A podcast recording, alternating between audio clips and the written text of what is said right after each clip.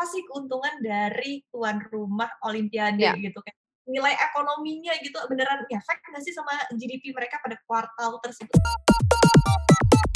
Kalau kita bicara soal, eee, GDP itu malah sebenarnya ada dikenal istilah kutukan Olimpiade.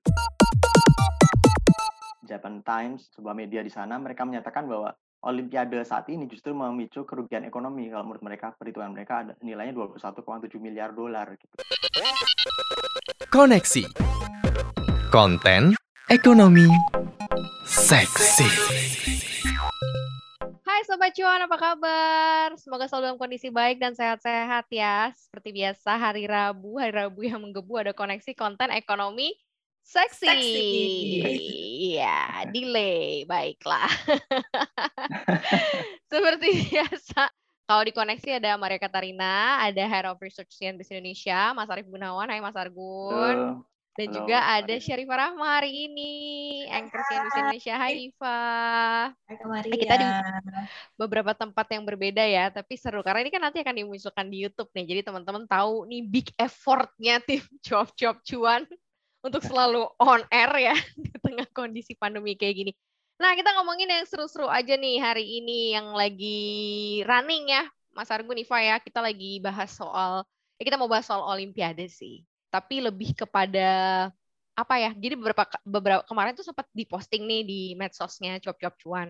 Terus ada salah satu netizen yang justru dia menyoroti kenapa sih ngotot banget menjadi tuan rumah? Emang untungnya seberapa gede sih? Terus apa Mm-mm. sih yang mau didapetin sih kalau misalnya eh jadi tuan rumah Olimpiade dan ternyata pas gue baca-baca lagi Indonesia tuh ngincer juga ternyata posisi tuan rumah nih untuk penyelenggaraan Olimpiade nih Mas Argun. Yang lo lihat deh mungkin dari ya terserah lah whatever Iva ataupun Mas Argun ngeliat Olimpiade tahun ini yang udah dimundur-mundur mundur-mundurin akhirnya mau nggak mau tetap diselenggarakan nih di bulan Juli Agustus ini. Iya, Indonesia sudah ngajuin tapi gagal ya. Jadi kita tadinya maunya eh, tahun 2032, tapi Dua, kita kalah iya, sama iya. Australia, sama Heeh. Brisbane. Ya, kemudian kita mau ngebit lagi tahun 2036. Mm-mm. Ah, jadi sebenarnya kenapa sih pe- pemerintah kita itu eh, sangat ambisius ingin menyelenggarakan jadi tuan rumah eh, Olimpiade gitu. Kalau kita ngelihat eh, secara umum sih, biasanya Olimpiade itu sepanjang sejarah dijalankan oleh negara-negara maju, negara-negara Iya. developing countries, karena mereka sudah siap dari sisi infrastrukturnya. Eh, Stadiumnya sudah sudah tersedia, kemudian infrastruktur olahraganya, penginapan dan sebagainya mereka udah gak ada problem gitu. Nah, makanya kalau saya lihat di sejarahnya itu eh, kebanyakan itu yang ada in Olimpiade eh, tuan rumahnya itu dari Eropa. Eropa itu dari sepanjang sejarah itu 35 kali. Nah, dari 35 Berarti negara ASEAN Eropa termasuk- itu Termasuk yang jarang berarti ya, termasuk Jepang ini berarti jarang ya di antara deretan kemarin as- apa Eropa Eropa yang lebih mendominasi. Korea iya pernah As- ya Japan juga. Korea pernah. ah, Mm-mm. Asia itu cuma tiga, Cina, Jepang, sama Korea Selatan. Dan kalau kita melihat eh, latar belakang ekonomi negara-negara ini kan juga negara yang sudah maju gitu ya. Jepang, eh, GDP-nya udah kuat. Eh, Cina di Beijing tahun 2000 eh, berapa itu? Tahun 2008 itu mereka juga sudah kuat ekonominya. Sementara Korea Selatan ya kita tahu emerging market dan sekarang jadi salah satu eh, eh, supply chain penting di, di ekonomi dunia gitu. Eh, dan Indon yang negara-negara Afrika cuma satu tuh, eh, Senegal kalau tidak salah. Jadi memang nggak banyak Tahun negara berapa tuh. Mas? Udah lama ya. Udah lama. Senegal. Tadi kan ngomongin soal Baru-baru ini aja gue nggak udah udah lama nggak denger negaranya gitu ya Senegal Mas Argun sebut gue tahun berapa? Iya. Mas Ar- Mas Argun kan eh apa tadi ngomongin GDP gitu kan. Terus gitu kita ketahui juga yang negara-negara yang jadi tuan rumah itu selalu negara-negara yang maju. Nah, tapi sebenarnya kalau bisa kita lihat sih, sebenarnya apa sih keuntungan dari tuan rumah Olimpiade Ya. gitu kan? Nilai ekonominya gitu beneran ngefek nggak sih sama GDP mereka pada kuartal tersebut atau gimana? Nah, ini menariknya gitu ya, eh, Maria, kemudian Iva dan Sobat Cuan gitu. Kalau kita bicara soal eh, GDP itu malah sebenarnya ada dikenal istilah kutukan Olimpiade. Wih, Jadi apaan tuh? Olympic Force, gitu. Setelah itu Jadi- GDP-nya merosot, abis itu kan ada kutukan atau gimana? Mas? Betul, betul, Oh, memang iya? betul. Jadi, jadi kalau kalau kita lihat eh, sepanjang sejarahnya ya, ter- saya nge- nge-track lima tahun, lima lima perhelatan terakhir lah ya, sejak tahun 2000. eh, saat itu kan udah selesai lah krisis Asia dan kawan-kawannya. Eh, kalau kita bicara GDP misalnya, eh, dulu tahun 2000 yang jadi tuan rumah itu Sydney. Sydney itu uh, pertumbuhan ekonominya ketika mengadakan Olimpiade tahun 2000 uh, saat itu itu minus eh bukan minus turun uh, pertumbuhan ekonominya dari 5,1 persen menjadi 3,9 persen. Artinya masih ada pertumbuhan hmm. ekonomi tetapi tidak secepat uh, sebelum mereka menjalankan Olimpiade. Dan kemudian lanjut lagi, kemudian tahun 2001 turun lagi jadi 1,9 persen. Yunani hmm. juga sama 2004 uh, mereka setelah Sydney kan Yunani. Dia juga turun dari 5,8 sebelum Olimpiade, pas Olimpiade turun jadi 5,1 pertumbuhannya. Kemudian setelah itu jadi 0,6 persen. Jadi anjlok hmm. pertumbuhan ekonominya. Meskipun nggak sampai bisa ya Mas ya? Kok iya, bisa? Iya. Kan itu kan sebenarnya ajang internasional ya, enggak nggak sih, Peh? Kan ajang internasional yang gede terus banyak banget orang yang datang, ya. jelas banget kan uh, hmm. dari segala lini ya, dari pariwisata, ya pasti maksudnya cukup besar lah seharusnya gitu, bukan malah menyumbang penurunan gitu. Ya, semestinya seperti itu. Tetapi gini, kalau kita bicara uh, Olimpiade itu kan berarti kita bicara investasi infrastruktur sekali pakai gitu. Jadi dan hmm. efeknya ke ekonomi hmm. juga sekali sekali pukul itu aja. Jadi kalau kita mau ngadain Olimpiade tahun taruhlah nih Indonesia mau ngadain Olimpiade tahun depan, ya kita udah membangun infrastruktur besar-besaran, mungkin pada tahun ini dan tahun lalu atau mungkin tahun sebelumnya tiga tahun sebelum uh, perhelatan itu investasinya gede. Jadi kita bangun stadium, kemudian bangun jalannya, bangun penginapan, hotel dan sarana prasarana lainnya. Tetapi setelah itu, hmm. apakah kemudian uh, kita akan melihat lonjakan investasi serupa uh, investasi dadakan itu apakah akan terjadi pada tahun-tahun setelah Olimpiade? Kan enggak. Gitu karena kan hmm. ini perhelatan yang hanya uh, ya empat tahun sekali dan kemudian memang dihadiri oleh semua perwakilan seluruh negara di dunia gitu. Artinya akan melibatkan banyak orang secara bersamaan tapi hanya sekali itu ketika itu. Jadi at the moment doang ya. besar, tapi setelah habis itu, itu ya bingung mau diapain ya? Dan habis itu bingung mau diapain. Kalau sobat cuan mau tahu bagaimana efek Olimpiade terhadap negara-negara penyelenggaranya, carilah Vancouver misalnya. Mereka pernah ngadain Olimpiade dan kemudian uh, stadion megah yang dibangun terus sekarang mangkrak gitu. Karena ya orangnya cuma berapa gitu yang main sepak bola cuma berapa, nggak seperti ketika terjadi Olimpiade. Selain itu juga biaya biaya maintenance-nya lebih tinggi dibandingkan uh, uh, keuntungan yang dihasilkan oleh infrastruktur atau oh kayak lo negara lo nggak banyak yang jago sepak bola tapi lo harus bangun stadion bola gitu ya. Abis Misalnya, itu buat apaan? Ya jadi tapi kenapa orang berlomba-lomba misalnya Indonesia juga termasuk ingin menyelenggarakan Olimpiade karena tiga hal sih sebenarnya. Jadi pertama asumsinya paling gampang adalah ini promosi wisata. Jadi orang yang tadinya ya mungkin tidak mengenal kurang mengenal Indonesia bisa semakin oh tahu ada Indonesia dan mereka punya potensi ini saat ini A B C D E dan itu mereka tahu ketika ada olimpiade misalnya. Itu ekspektasinya. Kemudian yang kedua, hmm. biasanya ini terkait dengan diplomasi ekonomi. Jadi kita melihat ke Beijing misalnya, saat itu tahun 2008 kan Cina itu baru mulai dia secara ekonomi juga secara internasional. Jadi ini dia ingin menunjukkan pada dunia bahwa dia adalah uh, an important uh, driving machine untuk pertumbuhan hmm. ekonomi dunia bahwa mereka ada, mereka eksis, mereka bisa mengadain perhelatan yang gede seluruh dunia dan itu tidak masalah dengan uh, apa namanya perekonomian mereka. Uh, kemudian kalau yang ketiga ya, kalau kutukannya masalah. berlanjut berarti Indonesia kemungkinan akan mengalami penurunan di, GP juga sama kayak yang dialami oleh yang nggak ngebayangin gue mah ya nggak apa ya? Maksudnya eh, kan Indonesia aja udah kayak gini gitu loh semaputnya gitu. Ya, kacau juga. Nah, berarti kalau itu kondisinya bisa dikatakan Jepang itu kurang wise dong ya Mas Argun. Maksudnya kan GDP-nya ini udah anjlok nih ya karena pandemi. Ditambah lagi sama Olimpiade juga ada potensi anjlok lagi nih ke depannya. Belum lagi nanti kasus juga makin meningkat gitu. Jadi bisa kita katakan kalau ini Jepang juga kurang wise gitu ya. Tetap tetap yeah. adain atau gimana nih Mas? Dan ditambah oh, lagi sebenarnya nih ada beberapa artikel-artikel yang keluar juga Olimpiade Tokyo ternyata juga menghabiskan dana yang cukup fantastis. Ini cukup besar.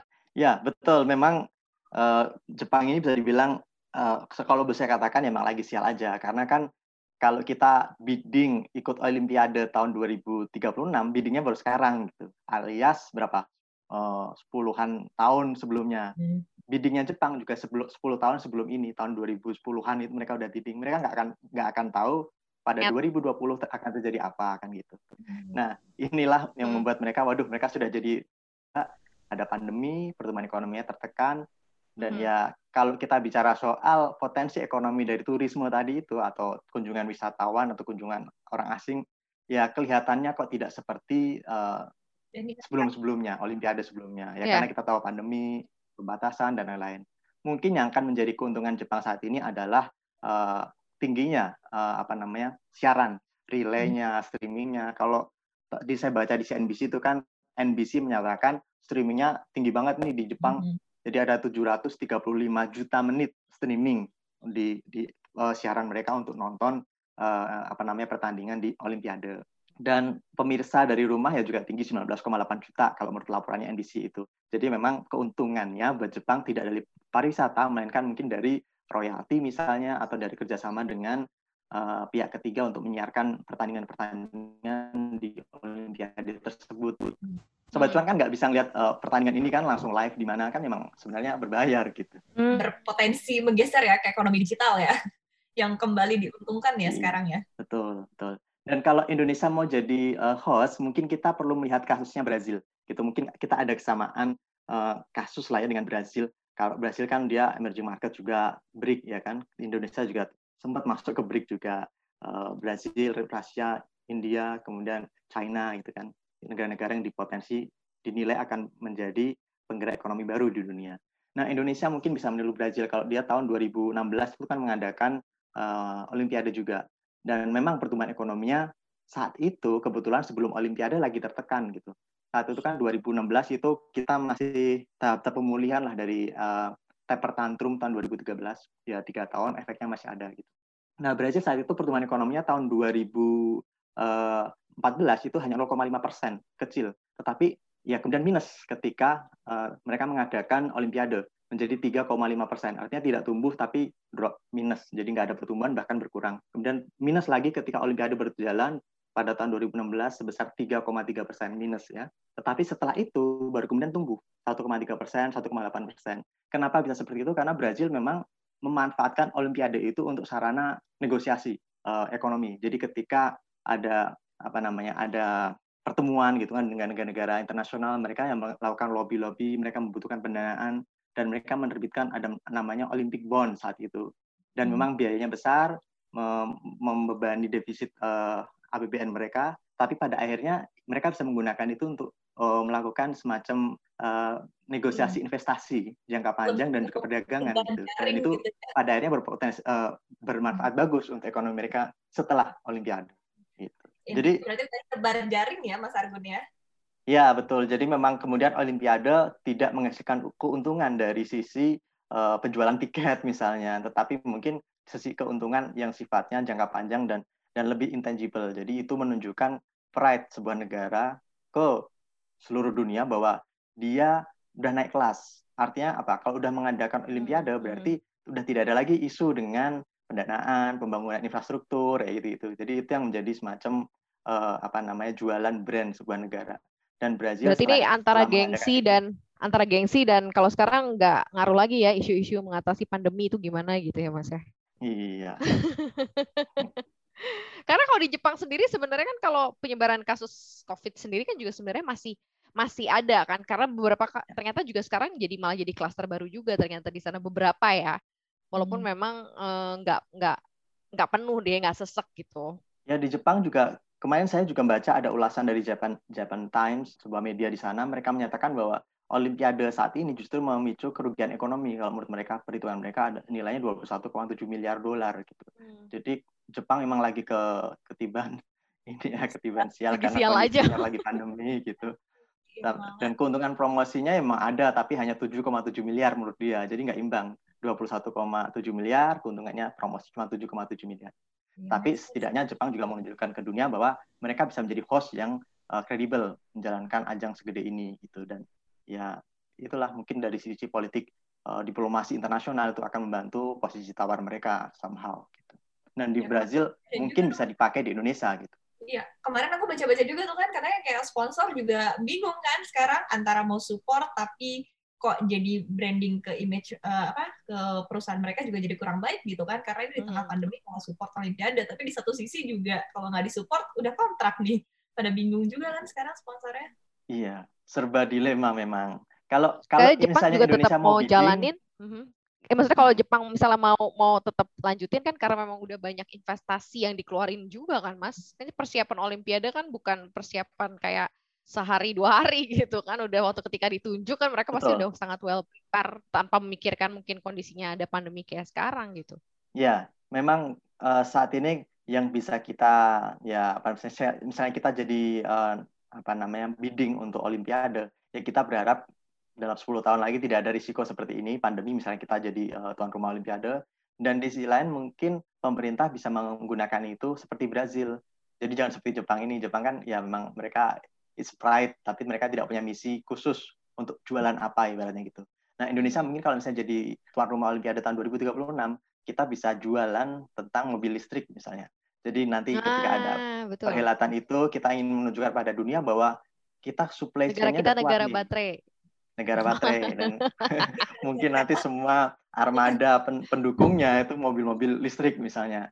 Ya Hmm. kalau ada misi seperti itu mungkin ya worth it, tapi pada akhirnya juga kita harus mempertimbangkan uh, aspek pendanaannya seperti apa harus harus harus canggih gitu. Kalau dulu Brazil sih dia mengeluarkan Olympic bond gitu dan nilainya memang miliaran dolar dan efeknya ke uh, apa namanya PDB mereka ada tapi setelah selesai uh, setelah selesai Olimpiade gitu. Dan di sisi lain uh, beban pendanaan masih ada di APBN mereka sekitar tiga tahun kemudian mereka masih ada cicilan untuk membayar obligasi tersebut. Tetapi ya kita bicara manfaat jangka panjang dari uh, ajang tersebut. Hmm, oke. Cukup menarik ya untuk dilihat. Nah, kalau misalnya aspek-aspek lain yang mungkin harus dipersiapkan uh, oleh Indonesia nih, mungkin kalau mengejar sampai ke kategori negara maju seperti prasyarat awal gitu kan itu memang agak susah ya Mas ya. Tapi mungkin apa gitu yang harus dibenahi mungkin 10 15 tahun dari sekarang kalau mau ikut pitching juga gitu jadi tuan rumah. Ya, pastinya sih modal dasarnya adalah infrastruktur gitu. Jadi infrastruktur pendukung dari sebuah uh, kota. Jadi kalau kita bicara ada tamu dari luar negeri dan jangan ada isu soal transportasi misalnya. Mereka harus ngangkot Okay. atau ngojek ini kan nggak lucu. Jadi memang harus dibangun uh, MRT-nya harus sudah siap, kemudian monorelnya juga sudah siap, minimal itu. Dan itu memberikan manfaat yang tidak hanya seketika. Uh, manfaatnya Hmm. akan terus berlangsung buat masyarakat juga untuk mendukung ekonomi berpuluh-puluh tahun kemudian. Dan yang kemudian kedua ya dari sisi uh, fasilitas olahraga yang pasti. Sekarang kita Hmm, sudah punya fasilitas olahraga standar internasional berapa jumlahnya gitu. Kita tidak perlu membangun proyek mercusuar, stadion termegah di di Asia Tenggara misalnya atau seluruh dunia nggak perlu. Setidaknya sudah sesuai dengan standar internasional itu sudah cukup. Uh, jangan Hmm. terlalu berpatok pada kasus uh, kita harus belajar di Vancouver tadi ya yang di Kanada Iya iya mereka iya. itu iya. sampai sampai utang ke 171 pengembang lokal. Karena dia ingin bikin stadion yang gede banget. Dan pada akhirnya setelah selesai olimpiade stadion tersebut udah mau ambruk. Dan catnya udah terkelupas ke sana sini karena memang ya tidak terutilisasi secara penuh. Mereka harus membayar eh, katanya rugi sampai 50 juta dolar untuk untuk proyek itu. Dan setelah Hmm. olimpiade selesai ya mereka nyicil 9 bulan ke para pengembang lokal itu jadi nggak perlu seperti itu. Artinya sudahlah sesuai dengan standar internasional, tidak perlu terlalu megah juga. Uh, cost dan uh, cost benefitnya harus di, di, diperhitungkan gitu. Dan saya pikir ya itu sudah cukup infrastruktur pendukung kota, trans, uh, kemudian juga transportasinya dan juga sarana olahraga tidak perlu megah. Dan di sisi lain perkuat branding yang akan dibawa. Jadi kita mau bicara soal uh, Indonesia adalah negara uh, baterai misalnya, dan itu harus Hmm. tunjukkan dengan program-program yang berkesinambungan ketika terjadi Iya, iya, olimpiade iya. itu gitu. Hmm, Indonesia kan juga pernah kan udah jadi tuan rumah. Eh, Kalau menurut patokan lo sendiri, lo ngeliat cukup berhasil nggak nih sebelum kita ke ajang internasional yang gede, Asian Games kemarin kan juga udah cukup berhasil ya. Ya. Walaupun ada ada itu tuh ada transportasi apa LRT yang cuman lewat velodrome doang yang deket banget itu jaraknya. Cuma berapa? 9 kilo ya? iya itu nggak tahu kan habis itu buat apa lagi itu bingung kan. Ya, sampai sekarang. Gimana tuh? Mas? Oke, ya memang kalau kita bicara Asian Games so far kita masih bisa lah. Eh, kita melihat misalnya kalau hitung-hitungan pemerintah Bappenas itu kan mereka memperkirakan eh, PDB kita tumbuh di, di, di DKI ya dan di Palembang nih dua tempat acara Asian Games mereka totalnya 18 juta eh, US dollar pada saat pelaksanaan Asian Games. Jadi memang efeknya ke perekonomian saat itu ada dan mungkin seperti saya bilang di awal efeknya dari sisi pembangunan proyek termasuk tadi itu MRT, monorail dan sebagainya. Eh, tetapi ya kemudian kalau kita bicara kemanfaatannya, so far sih tidak ada isu. Artinya dari sisi stadion-stadion yang sudah ada, mereka kan nggak bangun yang yang berlebihan gitu. Kemudian Ya, juga ya. eh, fasilitas olahraganya juga ya so far masih banyak dimanfaatkan kalau pengamatan saya. Uh, monorail masih jalan sih, cuman ya penumpangnya nggak banyak sepertinya. Gitu. Iya. Kalau kalau ke ke sini masih bisa lihat tuh monorailnya jalan gitu. Tetapi ya okupansinya sebesar apa, sebanyak apa pertanyaan itu. Dan Indonesia mungkin mungkin menurut saya siap kalau nanti kita menjalankan uh, itu asalkan punya misi khusus dan juga pendanaannya sudah disiapkan. Artinya mungkin kita nggak punya uang, oke, okay, tetapi kita tahu strategi pendanaannya seperti apa utang utang berbunga lunak misalnya dari mm-hmm. dari BIC DBIC itu atau dari Asian Development Bank misalnya. Jadi harus dijajaki beberapa di SWF-in aja di SWF-in Mas. Mungkin gak sih? Curang banget ya bangun infrastrukturnya pakai SWF gitu sekarang gitu. Ntar buat penyelenggaraan Olimpiade. Gimana, Pak? Judulnya infrastruktur harusnya bisa lah. Tapi yang jelas dari itu semua sih sebenarnya kalau dilihat dari sisi keberuntuk uh, keperuntukan infrastruktur sih kalau Indonesia mungkin akan jauh lebih banyak yang terpakai kali ya kalau compare sama negara-negara yang udah maju lainnya. Mungkin kalau misal bangun uh, infrastruktur uh, jalan misalnya kayak uh, MRT atau monorail atau apa pun kayaknya masih akan lebih berkelanjutan ya nggak sih? Nah permasalahannya mungkin nanti akan akan seperti apa nih ngejarnya karena kan ekspektasi orang di Olimpiade kan udah sangat bagus banget kalau datang ke negara-negara yang selama ini jadi tuan rumah. Iya, jadi memang uh, ekspektasi itu yang biasanya uh, akan mencerminkan sebuah negara itu itu sudah menjadi Olympic class enggak? Olympic class country. Yeah. Kalau sudah uh, kelas penyelenggara Olimpiade. Karena selama ini kan memang biasanya menyelenggarain hanya negara-negara maju gitu, kecuali tadi Senegal dari Afrika. Kayaknya itu ditunjuk karena ya sekali-sekali dong di Afrika gitu. Nah, Indonesia mau bisakah menjadi setara dengan Jepang, dengan Cina, dengan Korea Selatan? Uh, dalam arti kita ngadain Olimpiade, tetapi di sisi lain apakah kita punya uh, apa namanya posisi tawar yang bisa diberikan gitu ketika kita ngadain Olimpiade.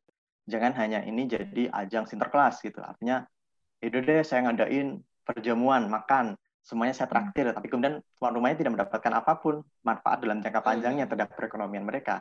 Jangan sampai tadi kutukan Olimpiade berjalan berlarut-larut. Jadi biasanya kalau tadi menurut data kan tiga tahun eh, perlambatan ekonomi karena Olimpiade. Jangan sampai lebih dari itu. Karena apa? Karena setelah itu negaranya bangkrut nggak bisa membiayai pendanaan lanjutan untuk untuk untuk proyek-proyek yang tadi sudah dibangun di Olimpiade. Hmm. Gawat banget ya. Maksudnya membayangkan sesuatu hal yang memang cukup beresiko sebenarnya kalau misalnya berdasarkan datanya Mas Argun ya. ya. Komitmennya panjang pula. Iya. Iya, jadi uh, acaranya udah kelar tapi utangnya masih jalan. Iya. Iya.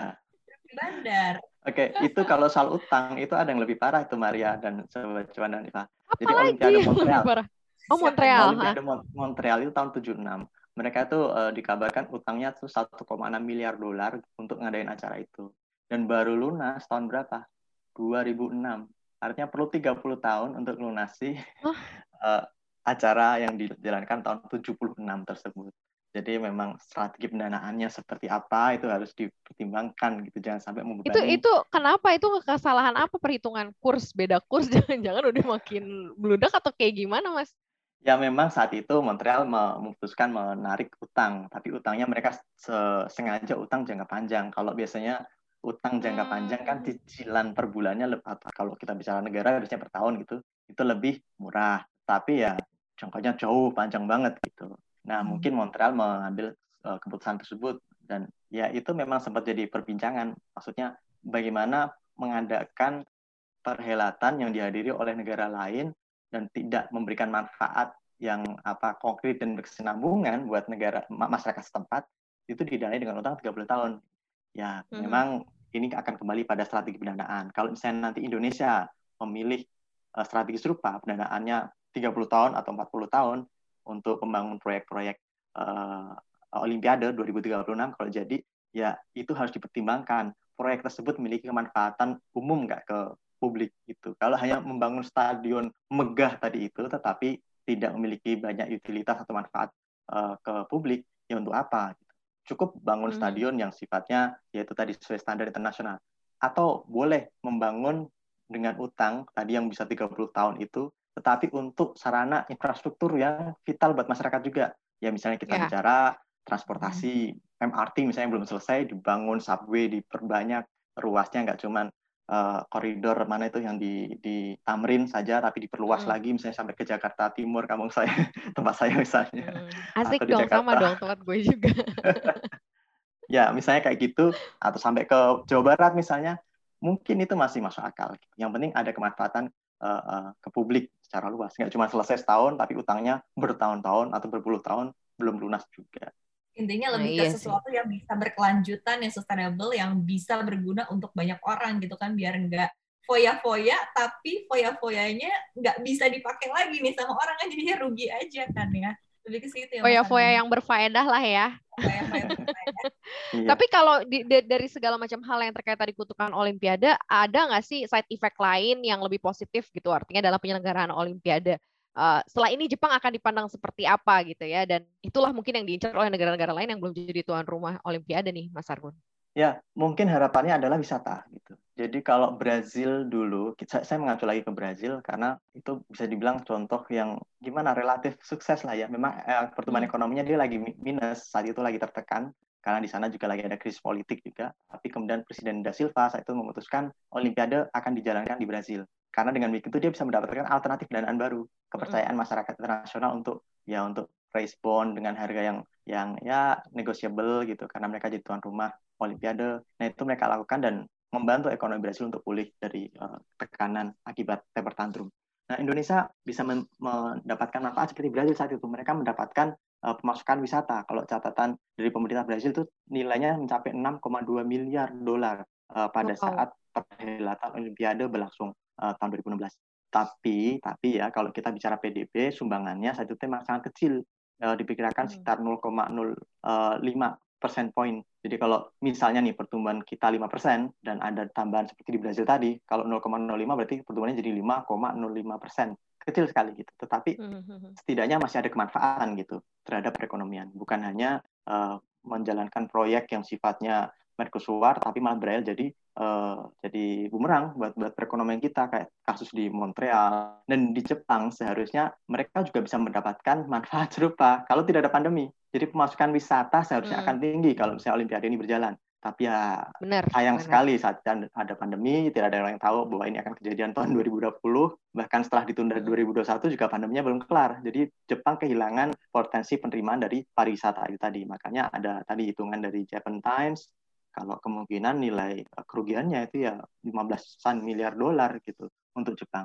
Nah, Indonesia mungkin minimal bisa memanfaatkan dua hal tadi, promosi wisata. Jadi digencarkan ketika nanti ada eh, perhelatan sebelum maupun setelah perhelatan harus ada program berkesinambungan untuk Ya. ya tidak hanya mengundang orang-orang dari berapa 190-an negara di dunia untuk datang selama Olimpiade, tapi untuk memastikan mereka tahu Indonesia punya apa sih yang bisa dikunjungi agar bisa Mhm. nanti setahun lagi mereka bisa datang kembali atau mengajak eh, masyarakat Keluarga. sekitarnya untuk datang ke Indonesia. Itu pertama, promosi wisata. Dan kita Mhm, bicara wisata, modal dasar kita sangat besar gitu kan. Ada ribuan objek, wisata yang bagus gitu.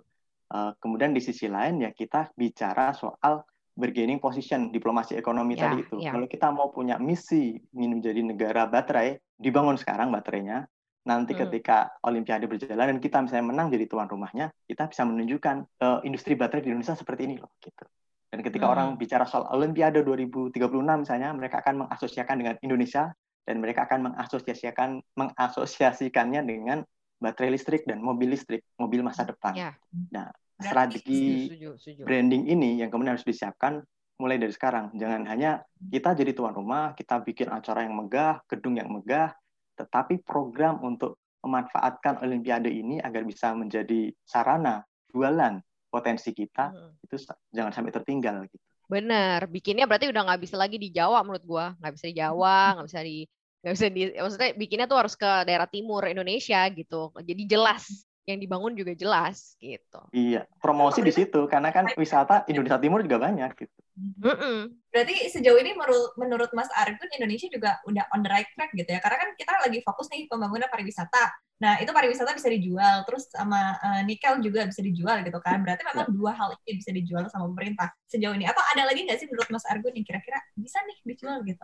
Saya pikir keunggulan kita so far di sana ya selain dari komoditas yang sudah ada, yang sudah orang udah mengenal meskipun kita nggak Hmm. nggak jadi tuan rumah Olimpiade. Misalnya eh, batu bara, sawit misalnya. Atau begini, kita bisa menjadi contoh uh, negara yang mengadakan Olimpiade dengan konsep uh, green gitu. Sekarang kan Ya, kita ya, bicara ya, ya. climate change, isunya di sana, Mhm. renewable energy, kemudian Oke. apa namanya ya energi hijau. Dan Indonesia bisa menjadi salah satu pelopor di sana. Tetapi perlu diingat bahwa yang kita kejar harusnya bukan uh, zero carbon. Zero carbon itu artinya Ya, ya. kita tidak melakukan aktivitas uh, yang menghasilkan emisi gas. Karena nggak mungkin Hmm. semua ma- uh, aktivitas kita sekarang pakai karbon dioksida, uh, emisi CO2 Oke. pasti ada gitu. Tetapi yang bisa dilakukan adalah menunjukkan bahwa kita bisa menciptakan net zero emission. Artinya meskipun kita menimbulkan emisi, tetapi kita juga bikin program yang menyerap emisi tersebut. Misalnya apa? Reboisasi Ya. atau program uh, penghijauan hutan kembali atau kita menunjukkan kepada dunia bahwa Indonesia ini leading dari sisi penggunaan batu bara, tetapi batu bara yang bersih gitu. Iya. Jadi selama ini kan batu bara identiknya dengan uh, energi yang kotor.